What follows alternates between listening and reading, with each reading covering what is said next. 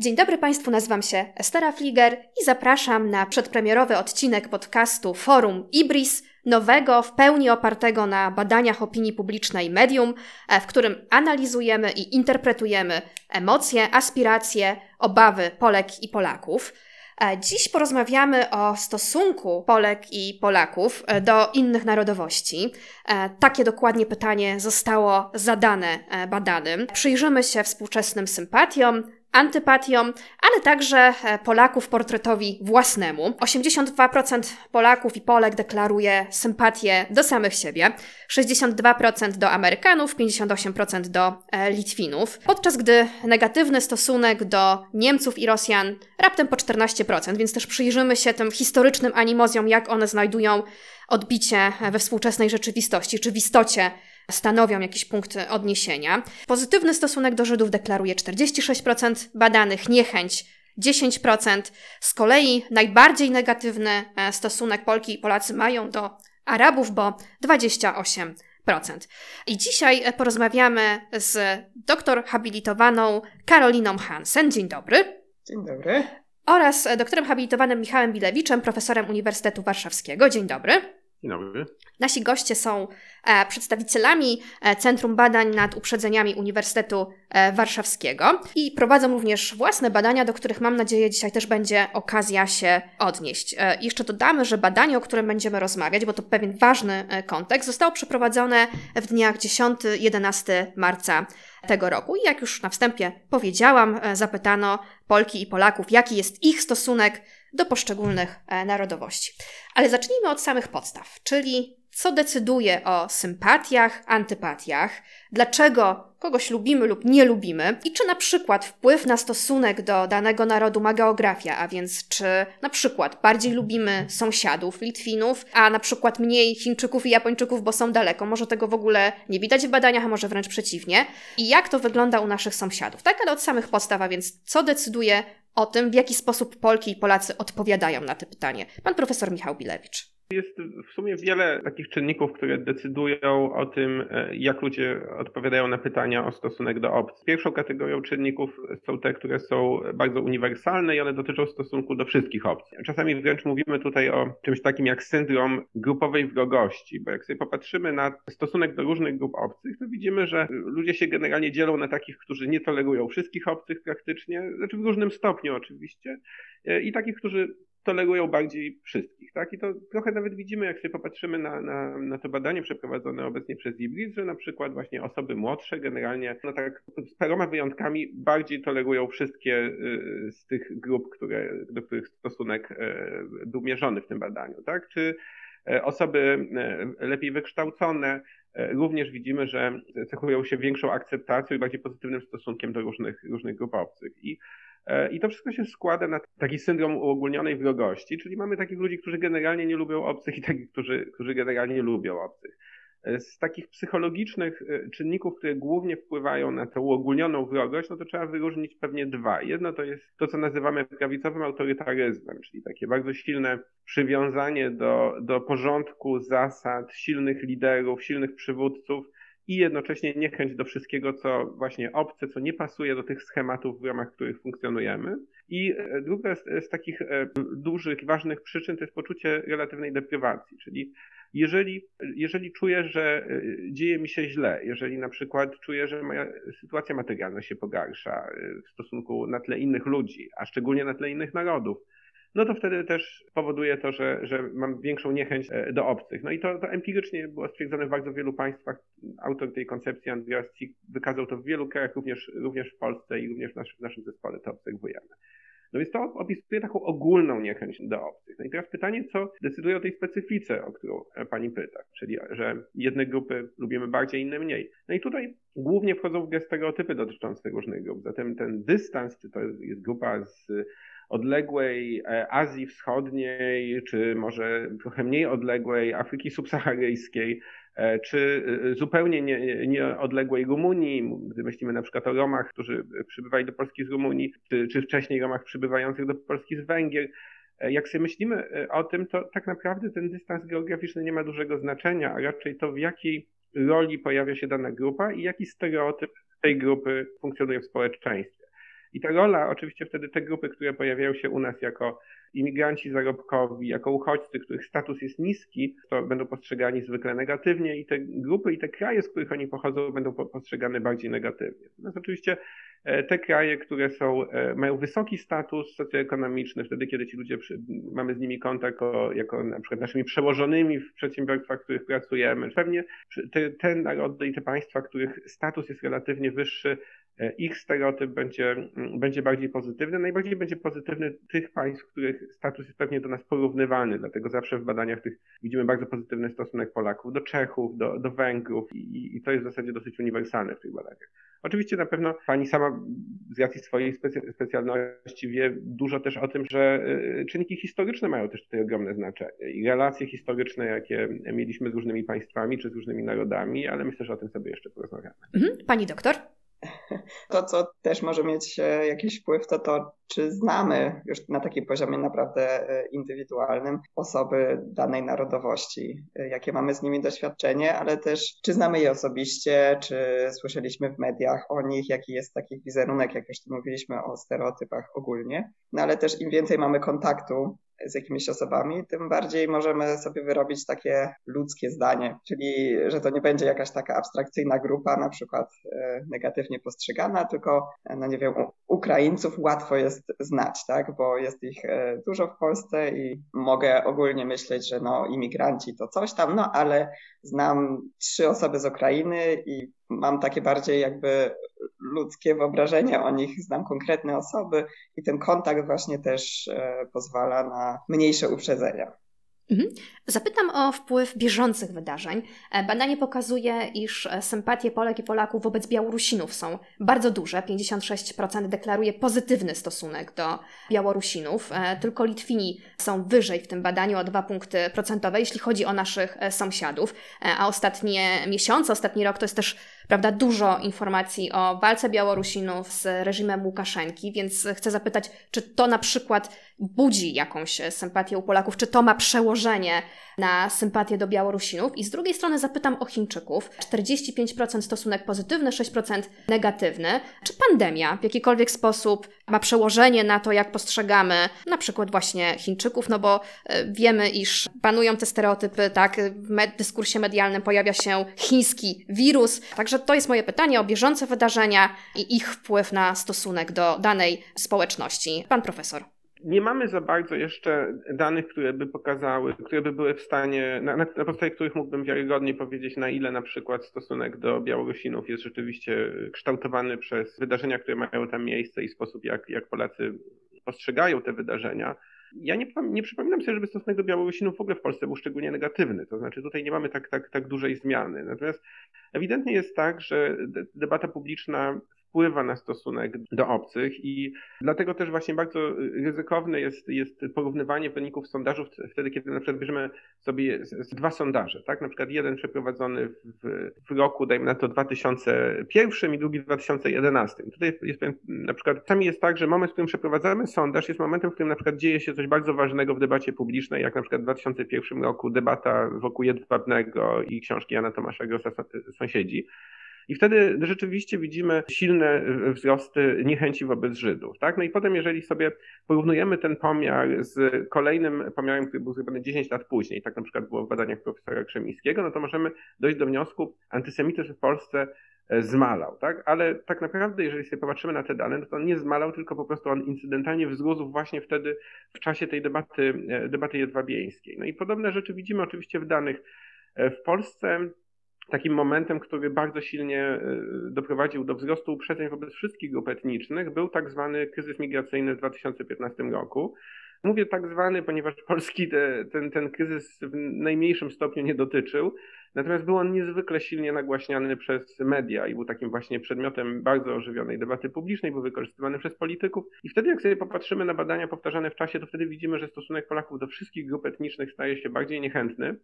bardziej negatywny i oczywiście głównie do muzułmanów i to też widzimy teraz w tym, w tym obecnym badaniu IBRIS, że, że do Arabów Polacy deklarują naj, największą niechęć i to mniej więcej od tamtego czasu się datuje. Wcześniej to głównie Romowie są, przodują w tych rankingach niechęci. Potem rzeczywiście mm, ta niechęć staje się największa wobec Arabów, czy też jeżeli właśnie bierzemy do tego też grupy wyznaniowe, no to wobec, wobec muzułmanów, no i ona jest ewidentnie jakby stworzona tutaj przez, przez tą debatę. To widać też dobrze w badaniach porównawczych. W Polsce, w Czechach, w krajach, w których ani nie było dużych e, grup e, uchodźców czy, czy imigrantów z tych państw, e, Największy lęk wtedy, na przykład, gdy Eurobarometr pyta się o to, co jest największym zagrożeniem dla Europy, to najwięcej respondentów z Polski, czy z Czech, czy, czy, czy z Estonii, czy z innych państw wschodniej Europy wybiera zagrożenia imigracją. Tak? No, imigranci są dla, największym zagrożeniem dla Europy. Natomiast w tych państwach, gdzie ci imigranci faktycznie się pojawiają, i tutaj się chciałbym zgodzić z tym, co mówiła Karolina Hansen, faktycznie tak jest, te, te kraje, w których ludzie mają bezpośrednie doświadczenia z, z, imigrantami, tam y, to poczucie zagrożenia ze strony imigrantów jest znacznie mniejsze. Oni wiedzą już, że to nie są wyłącznie zamachy terrorystyczne, ale to jest właśnie ten y, Hasan, który sprzedaje włóki w, w, w sklepie obok. I teraz na koniec pytanie o, pan, o pandemię, to znaczy, czy pandemia w podobny sposób wpłynęła na postawy? Na podstawie tych badań, które y, zarówno my prowadziliśmy w centrum, jak i innych znanych mi badań, wygląda na to, że pandemia nie wpłynęła na uprzedzenia Polaków. I to jest naprawdę zaskakujące, ponieważ jak zaczynała się epidemia koronawirusa, to wszyscy, włącznie ze mną, pisaliśmy różne takie bardzo eksperckie artykuły o tym, jak to ludzie mają e, behawioralny system immunologiczny, który powoduje, że jak tylko się pojawia zagrożenie jakimiś pasożytami, czy wirusami, czy bakteriami, to od razu e, zaczynamy się oddzielać od obcych, od razu stajemy się bardziej uprzedzeni. Potem czytaliśmy o zjawisku e, stygmatyzacji koronawirusowej, o której pisała Światowa Organizacja Zdrowia, czyli wzrostu niechęci do tych grup, które są właśnie obwiniane za, za e, koronawirusa, czy które są traktowane jako zagrażające, bo tam właśnie ta epidemia jest najsilniejsza, na przykład właśnie w Azji Wschodniej, tak? I widzimy, że rzeczywiście doszło do różnych aktów e, przemocy wobec, wobec Azjatów. Natomiast jak sobie popatrzymy na takie globalne wskaźniki w Polsce mm, w stosunku do obcych, to one się niespecjalnie zmieniają w tym czasie. To znaczy nie, nie widzimy jakiegoś rażącego, dramatycznego wzrostu uprzedzeń w, w czasie epidemii. Jak mamy takie badanie panelowe, które jest o tyle wartościowe, że jest prowadzone dokładnie na tych samych osobach badanych, mierzonych trzy razy w czasie, mamy taką próbę reprezentatywną robioną w Polsce i w Niemczech pod koniec e, roku 2019, pierwszy pomiar, potem drugi na wiosnę 2020 i trzeci na jesieni 2020 roku i patrzymy sobie tam na przykład na wskaźniki antysemityzmu. I widzimy, że nic nie drgnęło nawet, znaczy nie ma minimalnej zmiany, chociaż tak naprawdę sytuacja, w której ludzie żyją jest dramatycznie inna dzisiaj. Byśmy się spodziewali, że prawdopodobnie choćby no, poszukiwanie jakiegoś kozła ofiarnego, na którego można by przerzucić odpowiedzialność za ten cały kryzys, w którym się znaleźliśmy, e, po, po, powinna mieć miejsce. Nic takiego e, na razie nie widzę, żeby się, się działo, nic takiego nie, nie widzę w danych. Natomiast oczywiście to, co widzimy, to, że ludzie, którzy pewnie byli już uprzedzeni wcześniej, z większą gorliwością te uprzedzenia wyrażają, ponieważ faktycznie widzimy, że e, ilość hejtu e, w internecie czy e, faktycznie jakieś akty przemocy, no do tego dochodziło, dochodziło, dochodziło częściej niż, niż w okresie poprzedzającym. Teraz przejdźmy do Polaków portretu własnego. Ogółem 82% badanych ma stosu stosunek pozytywny do siebie, do Polaków, e, z czego tutaj, gdybyśmy się przyjrzeli w bardziej szczegółowy sposób, 91% wyborców prawicy deklaruje pozytywny stosunek e, do Polaków, 80% wyborców opozycji i 86% niezdecydowanych.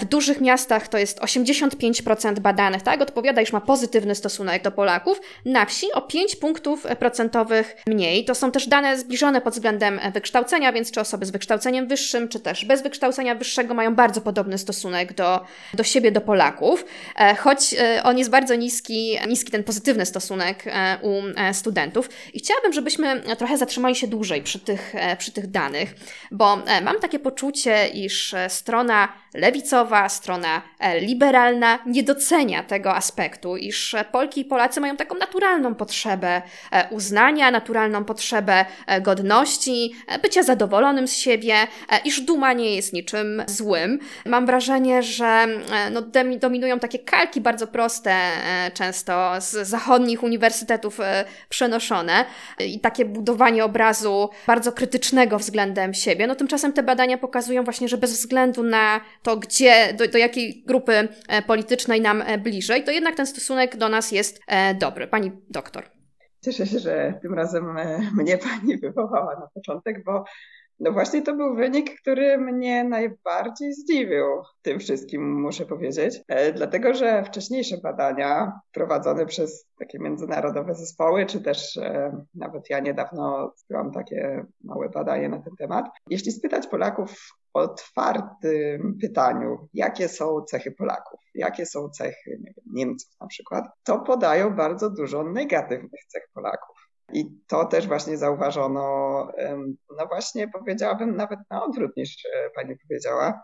Wcześniej zauważono, że Europejczycy z zachodniej Europy mają pozytywny stosunek i pozytywny wizerunek własnego narodu, a Polacy właśnie nie, że Polacy są autokrytyczni i mówią, że ci na zachodzie to są bardziej tacy europejscy, a my tutaj na obrzeżach i właśnie podają te negatywne cechy własnego narodu, więc to naprawdę mnie zdziwiło i od razu się zaczęłam zastanawiać właśnie co by było, jakby jeszcze dopytać, jakby nie tylko zadać to jedno pytanie, tylko jeszcze podrążyć trochę, no dobrze, a jakie są właśnie te pozytywne cechy Polaków, czy jakie są w ogóle cechy Polaków, a jakie są cechy no na przykład Amerykanów, tak, to są następnej linijce pod względem pozytywności.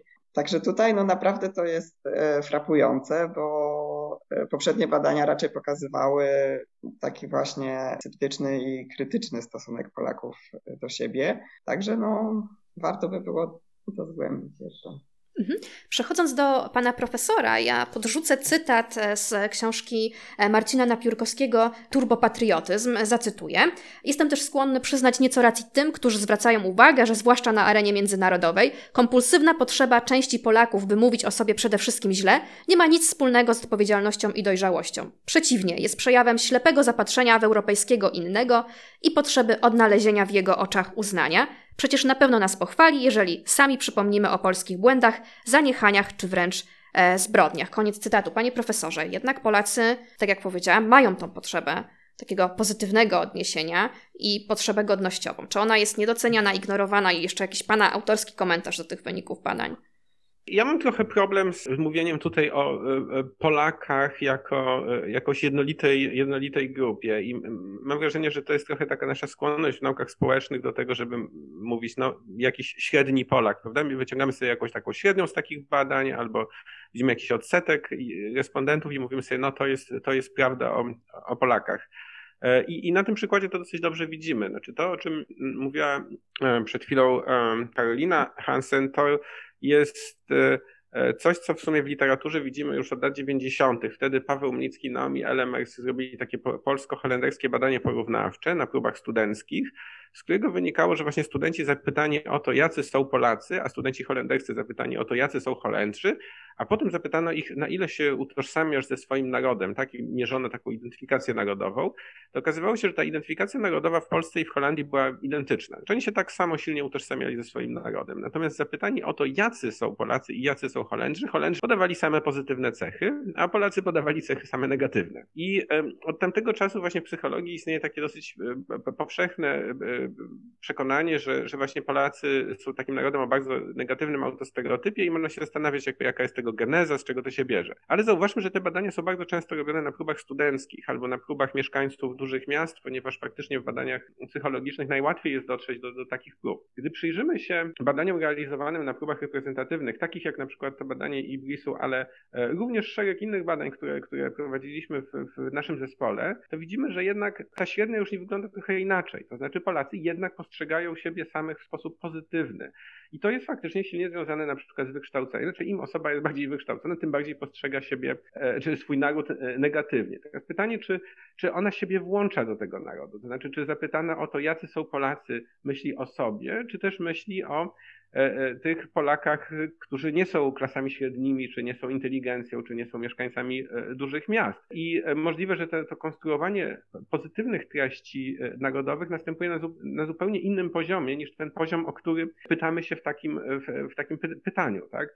I tutaj mm, wiem, że to wszyscy trochę myślimy tak, że posługując się e, tytułem e, znakomitej książki Adama Leszczyńskiego, no dno po, Pols po prostu jest Polska, że, że ci Polacy po prostu tak narzekają i po prostu generalnie uważają, że, e, że, że... Ale to wszystko wydaje mi się, że jest trochę naszą taką projekcją wynikającą z tego, że jednak jesteśmy mieszkańcami dużych miast, osobami z wyższym wykształceniem i w tych grupach rzeczywiście ten negatywny autostereotyp jest spory, tylko pytanie, czy to jest ciągle autostereotyp? Czy on dotyczy rzeczywiście grupy własnej, czy to nie jest jakieś powielenie jakichś starych wzorców, pewnie od czasów jeszcze społeczeństwa stanowego i czasów, kiedy to E, e, szlachta czy ziemiaństwo, zapytani o to e, pewnie, znaczy, znaczy ich stosunek do tego polskiego chłopa, no pewnie był tak samo negatywny i pewnie tak samo naznaczony tym narzekaniem, prawda, że, że nasz rozwój nie jest taki, jaki mógłby być, dlatego, że mamy tutaj tego ciemnego chłopa, prawda, a my, a my jesteśmy tą, tą, tą światłą, zokcydentalizowaną klasą, czy też stanem. Wydaje mi się, że tutaj właśnie mm, sięgnąłbym bardziej do historyków, do tych, którzy analizują źródła y, polskiej takiej właśnie, znaczy te, te, tego dyskursu elitarnego w Polsce, który no, dotyczył dużej części społeczeństwa, no bo to 10% było, tak, szlachty historycznie. W Polsce ta, ta warstwa tych ludzi, tej, tej elity była stosunkowo duża i zatem pewnie w trwały sposób mogło to stworzyć pewne wzorce, które, które do dzisiaj obserwujemy, czyli tego, że zapytanie o to, jacy są Polacy, badani właśnie, którzy, którzy są mieszkańcami dużych miast, czy inteligencją, będą rzeczywiście odpowiadać o tym, co myślą nie o sobie, tylko co myślą o tych właśnie Polakach, którzy nie są tymi, e, tymi elitami. No tak o tym myślę, ale myślę, że to jest trochę spekulatywne, aczkolwiek trochę gdzieś to się przebija właśnie w tych badaniach wtedy, kiedy porównujemy próby reprezentatywne ogólnopolskie i wtedy faktycznie osoby z mniejszych miast, z mniejszych miejscowości, osoby o niższym wykształceniu okazuje się, że mają zdecydowanie bardziej pozytywny e, stereotyp Polaka, czy pozytywny wizerunek, e, wizerunek Polaka deklarują w takich badaniach. Mhm, tylko, że w tym badaniu widzimy, iż w dużych miastach pozytywny stosunek do Polaków deklaruje o 5%, o 5 punktów procentowych więcej osób niż na wsi. Ciekawe, no to jest, to jest, to jest trochę zaskakujące, no bo ten, ten, ten związek z, z wielkością miejsca zamieszkania muszę poprawić, musiałbym popatrzeć jeszcze na tą tabelę, jak to wygląda na przykład w mniejszych miastach, bo jednak pamiętajmy, że tutaj e, trzeba by po prostu popatrzeć na wielkość miejsca zamieszkania jako na, na, na ciągłą zmienną i zobaczyć, jak, jaka jest korelacja tej zmiennej z, z całością, ponieważ no tutaj, jeżeli porównujemy poszczególne grupy, no to jednak mówimy o dosyć małych częściach e, ogólnej próby, ale to, to sam się chętnie temu przyjrzę. A gdyby Państwo spróbowali się jeszcze odnieść do e, tego, o czym e, pisze Marcin Napiórkowski i, i co zacytowałam, i też do tego, od czego w ogóle zaczęłam tę część naszej e, rozmowy, a więc o sposobie dotarcia poprzez narrację do Polek i Polaków, czy właśnie nie brakuje w narracji środowisk liberalnych, lewicowych tego docenienia? Pani doktor. Może faktycznie brakuje i też no, nie tylko w Polsce, ale też i w innych krajach w ostatnim czasie wydaje się, że um, konkretne partie czy osoby wygrywają wybory. Może właśnie częściowo dlatego, że um, no właśnie brak jest takiego trochę docenienia siebie, trochę zadbania o swoich obywateli, ale to jest um, bardziej ogólne e, stwierdzenie niż, e, że mogę tutaj jakieś e, konkretne dane na temat Polski pokazać. Ale może profesor Pilewicz zna takie dane. Panie profesorze? Bo nie, nie, nie wiem, czy do końca zrozumiałem. Znaczy dane o tym, że to wynikałoby, że, że, że ta, y, taki negatywny stosunek wynika z jakiegoś ślepego zapatrzenia się w y, Zachód i rodzaju kompleksu wobec Zachodu? Kompleksu, ale też takich, prawda, kalek y, uniwersyteckich, które no tutaj jakby forsują ten model autokrytycyzmu ponad jednak stwierdzenie, iż jednak możemy być z czegoś zadowoleni i dumni. Czy w ogóle rysowania tak dumy jako takiego zjawiska bardzo e, niebezpiecznego? Hmm. Ja nie sądzę, żeby y, y, wpływ nas, czyli jakichś y, akademików z, obszaru nauk społecznych, którzy rzeczywiście jak tylko myślą o dumie narodowej, to, to od razu im się zapala czerwona lampka faszyzmu, nacjonalizmu, czy jakichś no, skrajnych jakichś ideologii folkistowskich, to raczej myślę, że, że, że, nasz wpływ naszych akademickich debat na, na opinię publiczną nie jest aż tak duży. Raczej myślę, że tutaj jest faktycznie to taka gra w Polsce, która gra z pewnej dystynkcji. Tutaj bym się pewnie odwołał do, do kategorii Pierre'a Bourdieu, że to jest właśnie gra pomiędzy tymi lepiej wyedukowanymi grupami społecznymi, czy też wyższymi klasami średnimi, które w ten sposób się E, próbują odróżnić od, od, od reszty społeczeństwa poprzez właśnie budowę tego, tego mm, negatywnego stereotypu. E, no i nie wiem, no to jest chyba dosyć e, jakby jakoś tam trwałe w Polsce. No, no wystarczy popatrzeć, to Jan Tomasz Gross dosyć ciekawie opisuje, jak to wyglądało w, po pogromie kieleckim, w sposobie, w jaki na przykład różne takie inteligenckie czasopisma typu Kuźnica, czy Odrodzenie, czy Tygodnik Powszechny pisały o tym, o tych o tych wydarzeniach, o tych zbrodniach, do których doszło w, w Kielcach czy, czy w innych miejscach po wojnie. No oni piszą e, o tym tak jakby to właśnie przez, znaczy tam nie ma w ogóle takiego jakiegoś bronienia dobrego imienia Polski czy coś, nie, tylko jest właśnie takie, takie twierdzenie z taką trochę inteligencką wyższością, że to jest jakaś straszna hołota, to nie są prawdziwi Polacy, to jest jakaś straszna hołota i w ogóle co, co to jest. Właśnie tam widzę też taki sposób trochę e, zdejmowania z jakiejkolwiek takiej próby refleksji czy odpowiedzialności nawet za takie wydarzenia, wynika z takiego przekonania, że to są po prostu jakby inni ludzie, jakby zupełnie jakiś inny gatunek człowieka, który nas trochę brzydzi, tak? No i to jest, e, no to świadczy pewnie o jakiejś małej swoistości narodowej, która oczywiście to, co wynika pewnie faktycznie z historii e, polskiego społeczeństwa, gdzie, gdzie, gdzie jakoś te warstwy bardziej oświecone były no, dosyć wyalienowane z, z ogólnej populacji. Myślę, że tutaj bym, bym tego e, gdzieś upatrywał, aczkolwiek to, to jest bardzo spekulatywne wszystko, więc, e, więc nie mam jakichś bardzo twardych danych, na których mógłbym się oprzeć.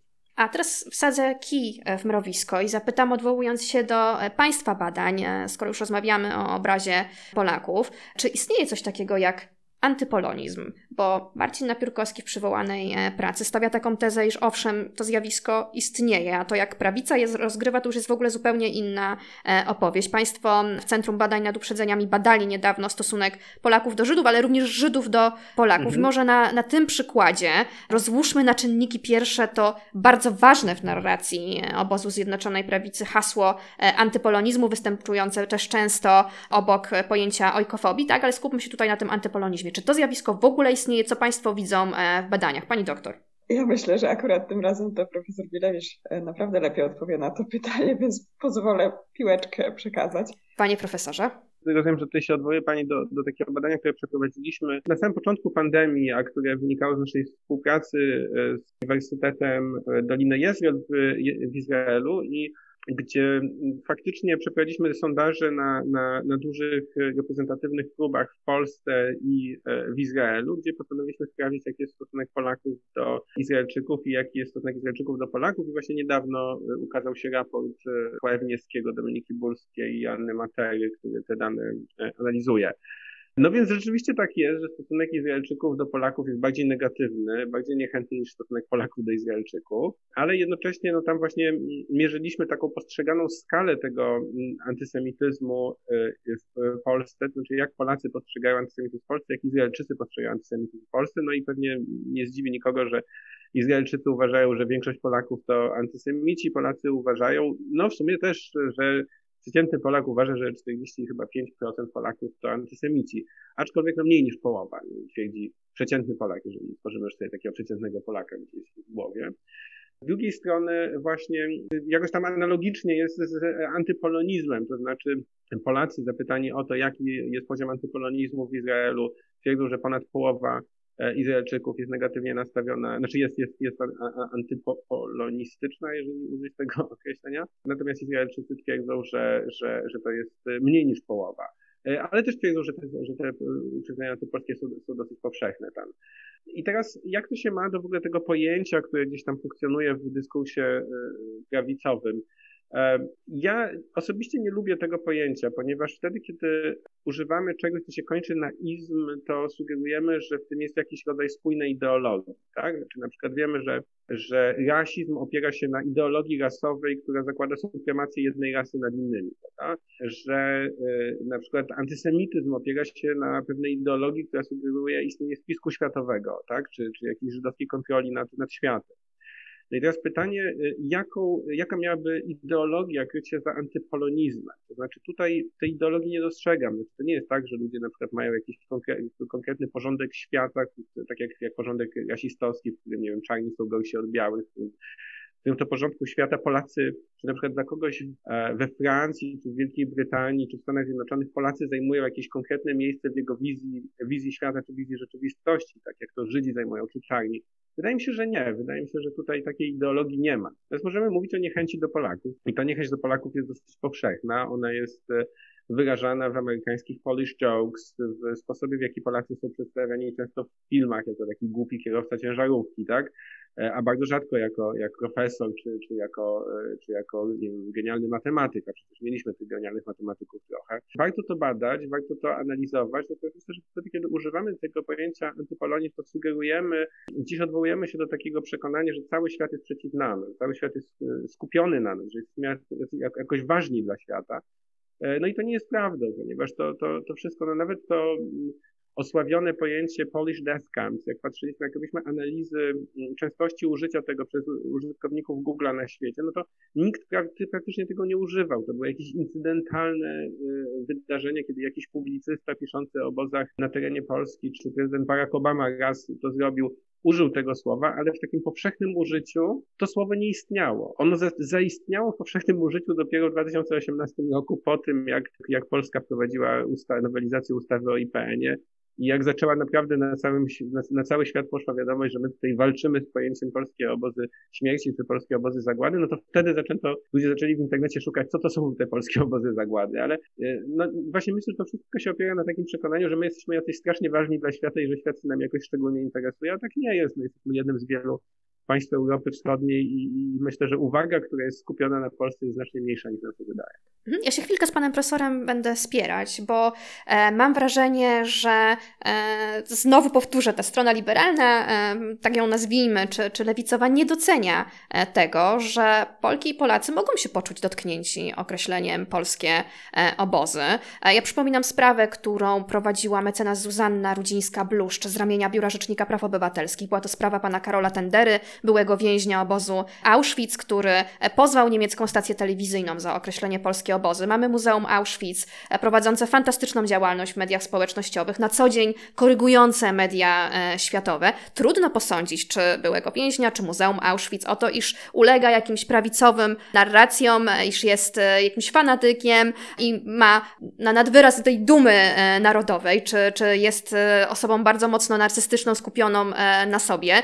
Ja myślę, że tutaj stosunek Polaków nie będzie się różnił od stosunku Brytyjczyków czy Amerykanów i wielu innych narodowości. Uważam, iż naturalną rzeczą jest, iż określenie polskie obozy może dotykać. Panie profesorze to uważam za głębokie nieporozumienie, ponieważ określenie polskie obozy w języku angielskim Polish, uh, Polish Death Camps czy Polish Concentration Camps, uh, ono odnosi się wyłącznie do lokalizacji geograficznej. I to prawda, że dla Pani jako historyka jest oczywiste pewnie, że Polska w tamtym czasie nie istniała, tak, że było generalne gubernatorstwo, że jeżeli gdzieś istniała Polska, to w Londynie, prawda?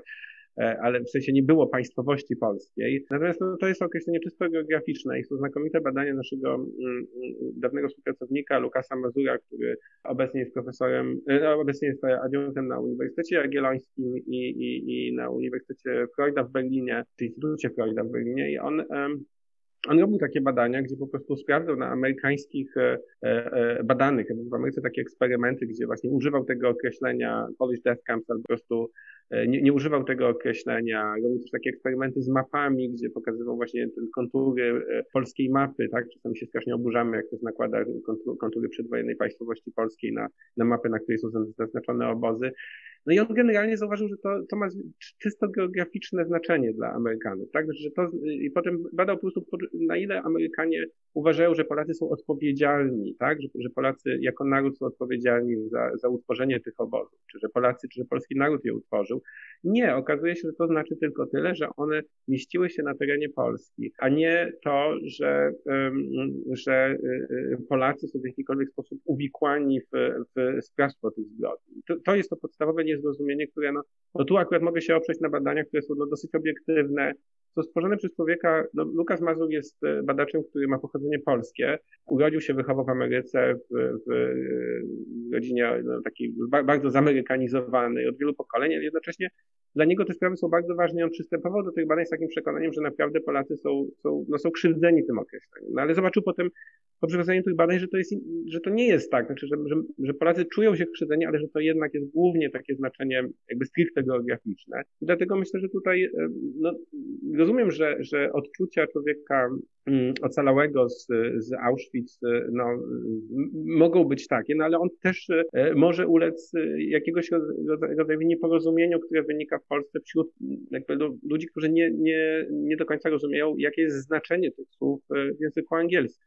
Podobnie uważam o o, o, o stronie Muzeum Auschwitz. Znaczy ja myślę, że ten, ten, ten profil na, na, na Twitterze Muzeum Auschwitz, czy w ogóle działalność publiczna Muzeum Auschwitz, ona jest e, tak śledzona na świecie i tak znakomita, ponieważ jest głównie skoncentrowana na ofiarach i ich osobistych, e, osobistych historiach. Tak? Codziennie widzimy nowe historie ofiar, które do nas przemawiają i to powoduje, że ten profil e, jest obserwowany przez miliony ludzi na całym świecie. Tak? E, natomiast nie to, że, że, że raz na jakiś czas Muzeum Auschwitz skoryguje gdzieś wypowiedź e, która by sugerowała e, e, polskość tego obozu, jakkolwiek faktycznie w języku angielskim no, to określenie nie oznacza, e, znaczy no nie, nie, nie, nie, nie oznacza sprawstwa, tylko oznacza lokalizację geograficzną i to no myślę, że to jest głębokie nieporozumienie i właśnie gdzieś to, że te oburzenia są tak powszechne w Polsce pokazuje no jak bardzo Polacy jednak są przewrażliwieni na tym punkcie i myślę, że to może wynikać z jakiegoś trochę przekonania takiego, że tutaj no, ta historia nie była tak idealna, że, że w rzeczywistości no, jednak do tych zbrodni dochodziło dosyć,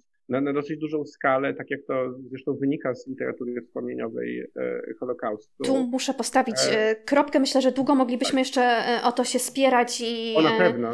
dyskutować. Na I na pewno będziemy, ja myślę, że osobny podcast poświęcimy tej dyskusji wokół polskich obozów, może w innym e, miejscu, innym czasie, innym programie. Natomiast ja właśnie to, co cały czas chcę podkreślić, to to, że podczas gdy pan profesor mówi o tym przewrażliwieniu, wtedy na scenę wchodzi prawica ze swoją narracją o tym, iż Polacy mają prawo tak się czuć i tymczasem to ona wygrywa, a ta strona, którą powiedzmy reprezentuje pan, jest perswazyjnie przeciwskuteczna. Ale nie skupiajmy się może już dłużej nad tym wątkiem polskich obozów. Płynnie przejdźmy właśnie do stosunku Polek i Polaków do e, Żydów. Ogółem 47%, e, ponad 47% badanych deklaruje, iż jest on pozytywny. 39% wyborców Zjednoczonej Prawicy deklaruje, że ma pozytywny stosunek do Żydów, 63%, a więc tu jest duża różnica, wyborców e, opozycji deklaruje pozytywny stosunek e, do Żydów. Pani doktor, problem e, antysemityzmu. No właśnie, czy jest on powszechny w Polsce, czy jest przerysowywany, czy występuje taki problem? Też może spróbujmy się odnieść do kontekstu w ogóle europejskiego, bo kiedy włączymy wiadomości TVP, zobaczymy na paskach, iż problem z antysemityzmem jest na przykład większy w Niemczech i Francji. I czy w ogóle właśnie możemy tak łatwo przełożyć, iż to badanie mówiące o stosunku Polek i Polaków jest tożsame z e, tym e, pojęciem antysemityzmu lub nie?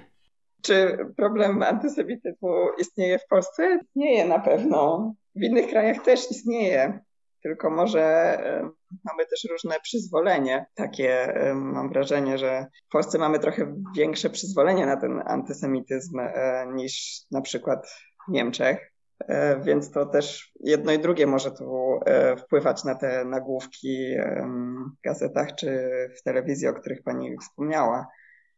No faktycznie, bo Pan profesor? ja myślę, że to, że jest, znaczy no, te porównania, no dla mnie chyba takie najbardziej przekonujące porównania, które, które gdzieś mamy w naszych danych, to są takie porównania z badań, które przeprowadziliśmy na samych społecznościach żydowskich. Zrobiliśmy takie badania dla Agencji Praw Podstawowych e, e, Unii Europejskiej i, no i te badania porównywały doświadczenia społeczności żydowskich mieszkających w różnych państwach Unii i to, jak, jak te społeczności postrzegają problem antysemityzmu. Te badania wskazywały na to, że rzeczywiście ten, ten, ten problem jest, jest w Polsce bardzo nasilony. Jak zapytaliśmy ilu tych Żydów, czy słyszeli jakieś antysemickie komentarze z ust polityków w ich kraju, no to w Polsce 47% badanych deklarowało, że takie, takie antysemickie komentarze słyszały i to była najwyższa, obok Węgier i Wielkiej Brytanii, to była najwyższa średnia w Europie. Znaczy to była najwyższa średnia, potem były dopiero tam Wielka Brytania 44%, Węgier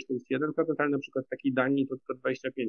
Tak, więc to rzeczywiście Polska się tutaj wybijała, czy na przykład, czy słyszał Pan na ulicy E, e, kiedyś, że Żydzi mają zbyt dużo władzy w naszym kraju. No to również w Polsce i na Węgrzech w Polsce było 89%, czyli prawie każdy Żyd coś takiego słyszał e, w, ostatnim, w ciągu ostatniego roku. Na Węgrzech 88%, no a w innych państwach no to było raczej tak po 60%. I też nie mówię tego po to, żeby negować skalę tego problemu w innych państwach, bo widzimy, że to jest powszechne. Znaczy nie było takiego państwa europejskiego, w którym, w którym mniej, w którym większość Żydów by tego typu określeń na co dzień nie słyszała. Natomiast faktycznie no, Polska się tutaj na tym tle, na tym tle wybijała. No, to samo było w takim głośnym badaniu realizowanym przez Instytut Commerce na zlecenie CNN, gdzie też um, pytano, e, pytano właśnie o, o, o, antysemityzm, o nie wiem, na przykład właśnie to, że Żydzi wykorzystują celowo Holokaust, żeby osiągnąć jakieś, jakieś, jakieś swoje finansowe cele. No też, też widzieliśmy tam, że, że, że te wskaźniki w Polsce były najwyższe na, na tle innych państw. Oczywiście, e, no, to inaczej wygląda, jeżeli chodzi o skalę przemocy, czy na przykład jakichś nie wiem, zamachów na instytucje żydowskie, to, to, to, to widzimy, że na przykład prawda, w Niemczech doszło do, do, do tego ataku w Hale, w, wielokrotnie dochodziło do różnych, e, do różnych e, e, ataków terrorystycznych powodowanych przez, głównie przez skrajną prawicę, ale czasami też przez, przez różne środowiska zradykalizowanych muzułmanów w różnych krajach Europy Zachodniej. W Polsce takich ataków było stosunkowo niewiele, to znaczy było bardzo dużo aktów desekracji cmentarzy, palenie drzwi synagogi, atak na rabina. No, były te wydarzenia w ciągu ostatnich 20 lat, ale no, nie było ich tak dużo i nie pociągnęły ze sobą ofiar śmiertelnych na szczęście. Pod tym względem można powiedzieć, że sytuacja, sytuacja w Polsce jest, jest, jest w miarę dobra, chociaż te postawy, znaczy jeżeli mielibyśmy się trzymać tego, o czym dzisiaj rozmawiamy, czyli samych postaw, no to one są no, no zdecydowanie negatywne. Mhm. E, tak, tutaj też kontekstem europejskim może być na przykład sytuacja w Wielkiej Brytanii, gdzie antysemityzm rozsadzał od środka partię pracy. I teraz e, może e, będąc przy tym, tym obszarze jeszcze wciąż e, poniekąd historycznych, historycznych sympatii, e, antypatii, spójrzmy na stosunek do Niemców. Ogół, ogółem, tak, 50% badanych, ponad 50%, mówi o tym, iż ma pozytywny stosunek e, do Niemców. I spójrzmy, jak to się rozkłada, jeśli chodzi o wyborców poszczególnych e, partii. 27% wyborców Zjednoczonej Prawicy deklaruje pozytywny stosunek do Niemców, 26% negatywny. I jeśli chodzi o wyborców e, Zjednoczonej, wyborców szeroko mówiąc opozycji, pozytywny stosunek deklaruje 75%, negatywny 6%. No i znów przyjrzyjmy się mediom, publicznym mediom prawicowym, tak? Jesteśmy właśnie bombardowani wiadomościami o reparacjach, e, o, choćby spójrzmy na teraz na ministra e, Czarnka, który chce walczyć e, w podręcznikach historycznych z pojęciem naziści, chce je zastąpić Niemcami, no ale widzimy, że rzeczywiście, jeśli chodzi o prawicę, no to trafia, choć ogółem ten pozytywny stosunek do Niemców jest wciąż wysoki. Pani doktor. Tak, to też badania, no tutaj mamy badanie konkretnie w jednym punkcie w czasie, ale są też podobne badania prowadzone przez CEBOS od chyba 30 lat i tam też widać, że stosunek do wszystkich narodów się poprawia, a do Niemców w szczególności. Także dzisiejszy taki nasz obraz Niemców też no, już jesteśmy od jakiegoś czasu w Unii Europejskiej. Są to nasi e, teraz już europejscy naprawdę sąsiedzi. Także ten stosunek się poprawia i jeśli już potrafimy wyabstrahować tych Niemców dzisiejszych od Niemców, prawda, właśnie ich dziadków, którzy popełniali zbrodnie wojenne, no to mamy zupełnie inny obraz, taki bardziej nowoczesny, że to jest właśnie ten nasz europejski sąsiad, który ma silną gospodarkę, ale też um, jest taki otwarty. No tutaj właśnie to otwarcie na przykład na uchodźców, które jest diametralnie inne niż w Polsce, może właśnie u zwolenników jednych partii być pozytywnie postrzegane, e, że właśnie Niemcy tak bardzo e, byli zapraszający w 2015 roku i później, a w przypadku innych partii to może być negatywnie postrzegane. Także właśnie ten wizerunek Niemców może być różny zależnie przez jaki pryzmat patrzymy, czy przez ten historyczny, czy przez taki bardziej współczesny, że to jest ten kraj, gdzie no w pandemii może nie, ale przed pandemią chętnie by ktoś pojechał na Erasmusa i zwiedzał Berlin i pił dobre piwo, tak? Więc wydaje mi się, że po prostu szczególnie osoby młodsze mogą mieć um, już zupełnie inne skojarzenia. Mhm. Panie profesorze, tym bardziej jest to, to ciekawe w kontekście tego, o czym mówiła pani doktor, że ten stosunek do Niemców pozytywny nak rośnie w ostatnich latach, więc e, no, bardzo frapuje to, że e, prawica wygrywa wciąż tą antyniemiecką e, melodię. Po prostu mówi do swoich, panie profesorze?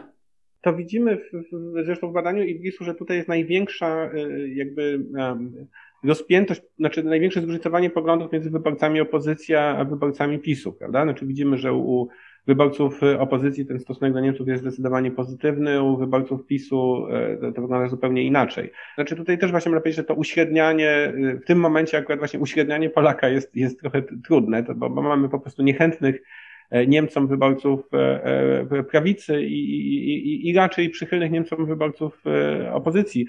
Ja też troszkę nie zgodzę się z tym, że stosunek do, do Niemców tak jednoznacznie się poprawia. Znaczy w badaniach Cebosu faktycznie ostatnio widzimy e, poprawiające się, poprawiające się postawy wobec różnych e, grup obcych, e, co wynika zapewne z tego tąpnięcia, które miało miejsce właśnie w czasach kryzysu migracyjnego 2014, 15, 16, kiedy te postawy gremialnie się pogorszyły wobec wszystkich i teraz to jakby wraca trochę do tego wcześniejszego poziomu w tych badaniach cebosowskich, więc, więc, więc tam jakby też trudno powiedzieć, żeby Niemcy się jakoś szczególnie wyróżniali na, na, na tym tle. Natomiast dla mnie dosyć znamienne jest to, że takie badania, w których się nie mierzy stosunku do E, do, do różnych grup obcych czy do różnych narodów, tylko na przykład badania, które e, badają stosunek do akceptacji cudzoziemców przyjeżdżających do Polski. I tutaj są bardzo ciekawe badania porównawcze profesor Ewy Nowickiej e, i Sławomira Łodzińskiego z, z Instytutu Socjologii Uniwersytetu Warszawskiego, którzy robią takie badania właśnie mierzące stosunek Polaków do obcych, szczególnie właśnie do cudzoziemców i niedawno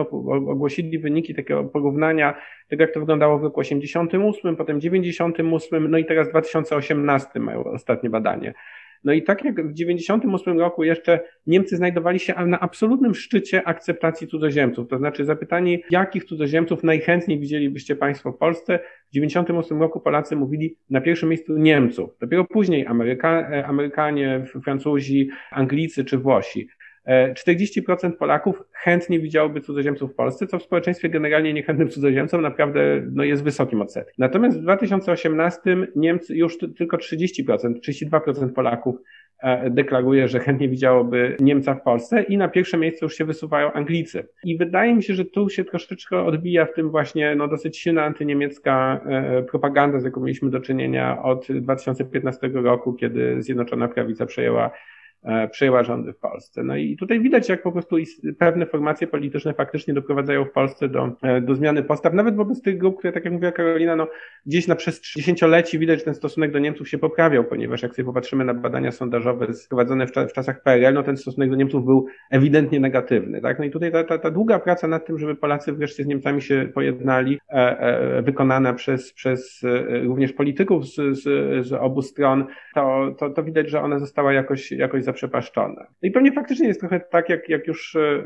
e, pani redaktor mówiła, że te nasze, znaczy, znaczy no, te nasze badania w ogóle, one no nie, nie, nie będą, sprzy, nie, za, za, każdym razem, kiedy prezentujemy wyniki takich badań, czy kiedy mówimy o tym, o tych problemach, no to faktycznie może to wywołać jakiś backlash i może zwiększać na przykład popularność e, partii prawicowych, które potem będą miały jeszcze, jeszcze bardziej będą te negatywne postawy napędzać. No ale niestety my jako naukowcy musimy być zobligowani do tego, żeby mówić o tym, o tym jak jest, mówić o tym, jak, jaka jest skala tych problemów, również jeżeli chodzi o kwestie, nie wiem, właśnie polskich obozów. No, e, to jest po prostu nasza, nasza kwestia naszej wiarygodności jako, jako naukowców i nawet wtedy, kiedy kosztem tego będzie faktycznie, będą faktycznie e, rządy partii ksenofobicznych. No niestety, no, tutaj musimy oddzielić naszą rolę jako E, jako e, obywateli od naszej roli jako naukowców. Tak, tylko ja myślę, że tutaj bardziej mi chodziło o to, w jaki sposób do Polek i Polaków mówimy e, o tych problemach. Natomiast w pełni zgadzam się z panem profesorem, jeśli chodzi o skalę czy konsekwencje antyniemieckiej wręcz propagandy, którą obserwujemy w ostatnich latach i skali zaprzepaszczenia sukcesu dialogu podjętego po 1989 roku. Ale może teraz przejdźmy już do ostatniej części naszej rozmowy, więc porozmawiajmy o stosunku Polek i Polaków do Amerykanów. Ogółem 61%, blisko 62% badanych deklaruje pozytywny stosunek do e, Amerykanów. I teraz tak, e, obserwujemy, e, znów się odwołam do materiałów e, wiadomości, tak? Bardzo się śmiejemy z tych materiałów, kiedy uruchamiane były bezpośrednie połączenia ze Stanami Zjednoczonymi i na lotnisku pojawia się Marcin Gortat, e, przypadkowo e, spotkany, przechodził tym razem bez tragarzy, tak śmiejemy się z tej barejowskiej groteski, takiego też służalczego stosunku obecnego obozu władzy do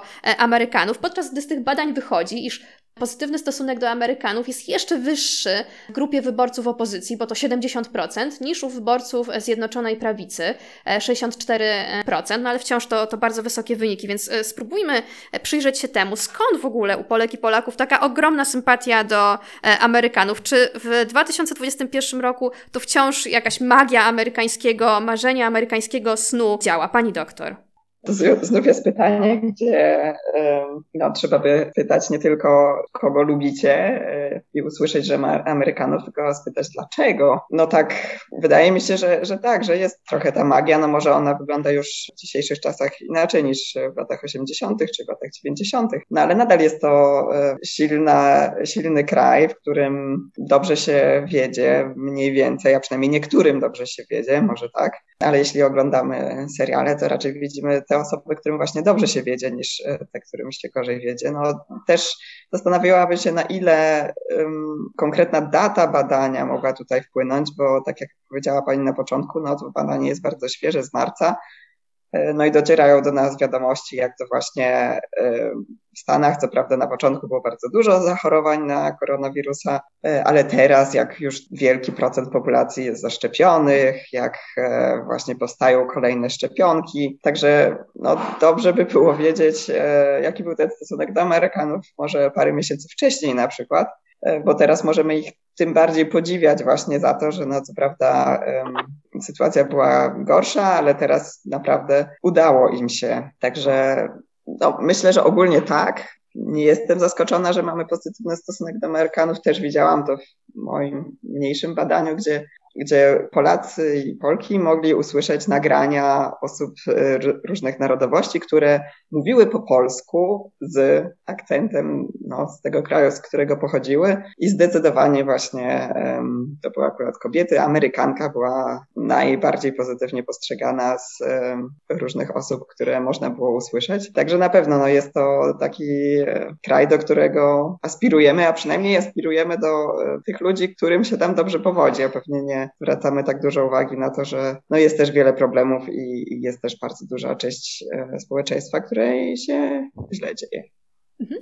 E, panie profesorze, powiedziałam, śmiejemy się, prawda, chociażby z prezydenta Andrzeja Dudy stojącego obok biurka Donalda Trumpa. E, tymczasem dzień przed e, zaprzysiężeniem prezydenta Bidena w Wielkopolsce, tutaj senator Marcin Bosacki chwalił jeden z urzędów, który wywiesił plakat witający Bidena na urzędzie, więc bez względu na to, kogo wybieramy przy urnach wyborczych, rzeczywiście kochamy Amerykanów. Więc gdyby pan spróbował odpowiedzieć, dlaczego tak się dzieje. Myślę, że to jest głównie to, to, o czym mówiła już e, Karolina przed chwilą, czyli właśnie e, ten e, wysoki status. To znaczy, kiedy no, właśnie te badania akcentowe, które, ci Karolina Hansen są bardzo, bardzo interesujące pod tym względem, bo one pokazują, że nawet właśnie jak słyszymy kogoś mówiącego z lekkim akcentem amerykańskim, to, to, to już czujemy, że, ta, że ta, ta, mamy pozytywny stosunek do tej osoby, bo pewnie przywołuje ona w nas te wszystkie postaci, które się pojawiały w Polsce, właśnie mówiące z takim akcentem, których status po prostu był wyższy. Nawet polscy właśnie polonusi, którzy przyjeżdżali do Polski, no to byli ci zamożniejsi, e, których obecność tutaj była w jakiś sposób dla, dla, dla wszystkich korzystna, można było coś zarobić przy nich i tak dalej. Więc to ja myślę, że tutaj E, to jest po prostu ta kwestia wysokiego statusu i ciekaw jestem, jak długo to, to przetrwa. To znaczy, czy nie będzie przypadkiem tak, że wtedy, kiedy e, ten e, relatywny status Stanów Zjednoczonych zacznie upadać, a wszystko wygląda na to, że ta globalna hegemonia Stanów Zjednoczonych się, się obecnie kończy, to, to czy również ten stosunek Polaków do Stanów Zjednoczonych będzie inny? Bo on rzeczywiście jest tak, że jest bardzo stabilny. Nawet te ostatnie raporty Cebosu, jak porównują zmiany w czasie, to, to on nawet nie drgnął stosunek do Amerykanów i tutaj rzeczywiście e, zawsze tam jest 50% i więcej Polaków, którzy e, deklarują sympatię wobec Amerykanów i to jest taka, taka no zdecydowanie e, czołówka polskiej sympatii, tak? Od, od zawsze, znaczy od lat 90. Ona jeszcze była wyższa w latach 90. W latach 90. to przekraczało 60%.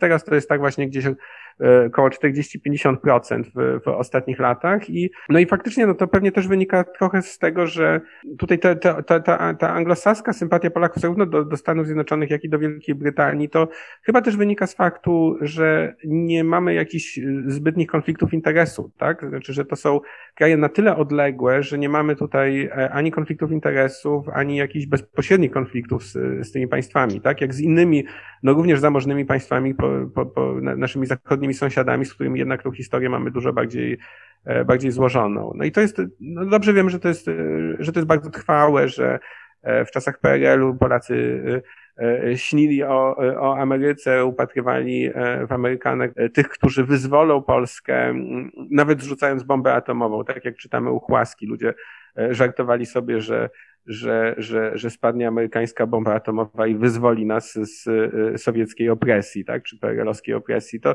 to nawet na poziomie takich żartów widać po prostu to zapatrzenie w, w Stany Zjednoczone jako takich, no, nawet wtedy, kiedy byśmy mieli wszyscy zginąć, to lepiej, żebyśmy zginęli właśnie e, w, gdy, w sposób wyzwalający nas z opresji ze strony naszych sąsiadów. Mhm, rzeczywiście, to też widać dzisiaj w wszelkich rodzajach dyskusjach o ekonomii, o gospodarce, prawda, że ta Ameryka jest takim e, dla, dla części środowisk stałym punktem odniesienia. Drodzy Państwo, bardzo dziękuję za tę e, rozmowę i zapraszam do słuchania kolejnych podcastów Forum Ibris. Dziękuję bardzo. Dziękujemy. Dziękuję bardzo.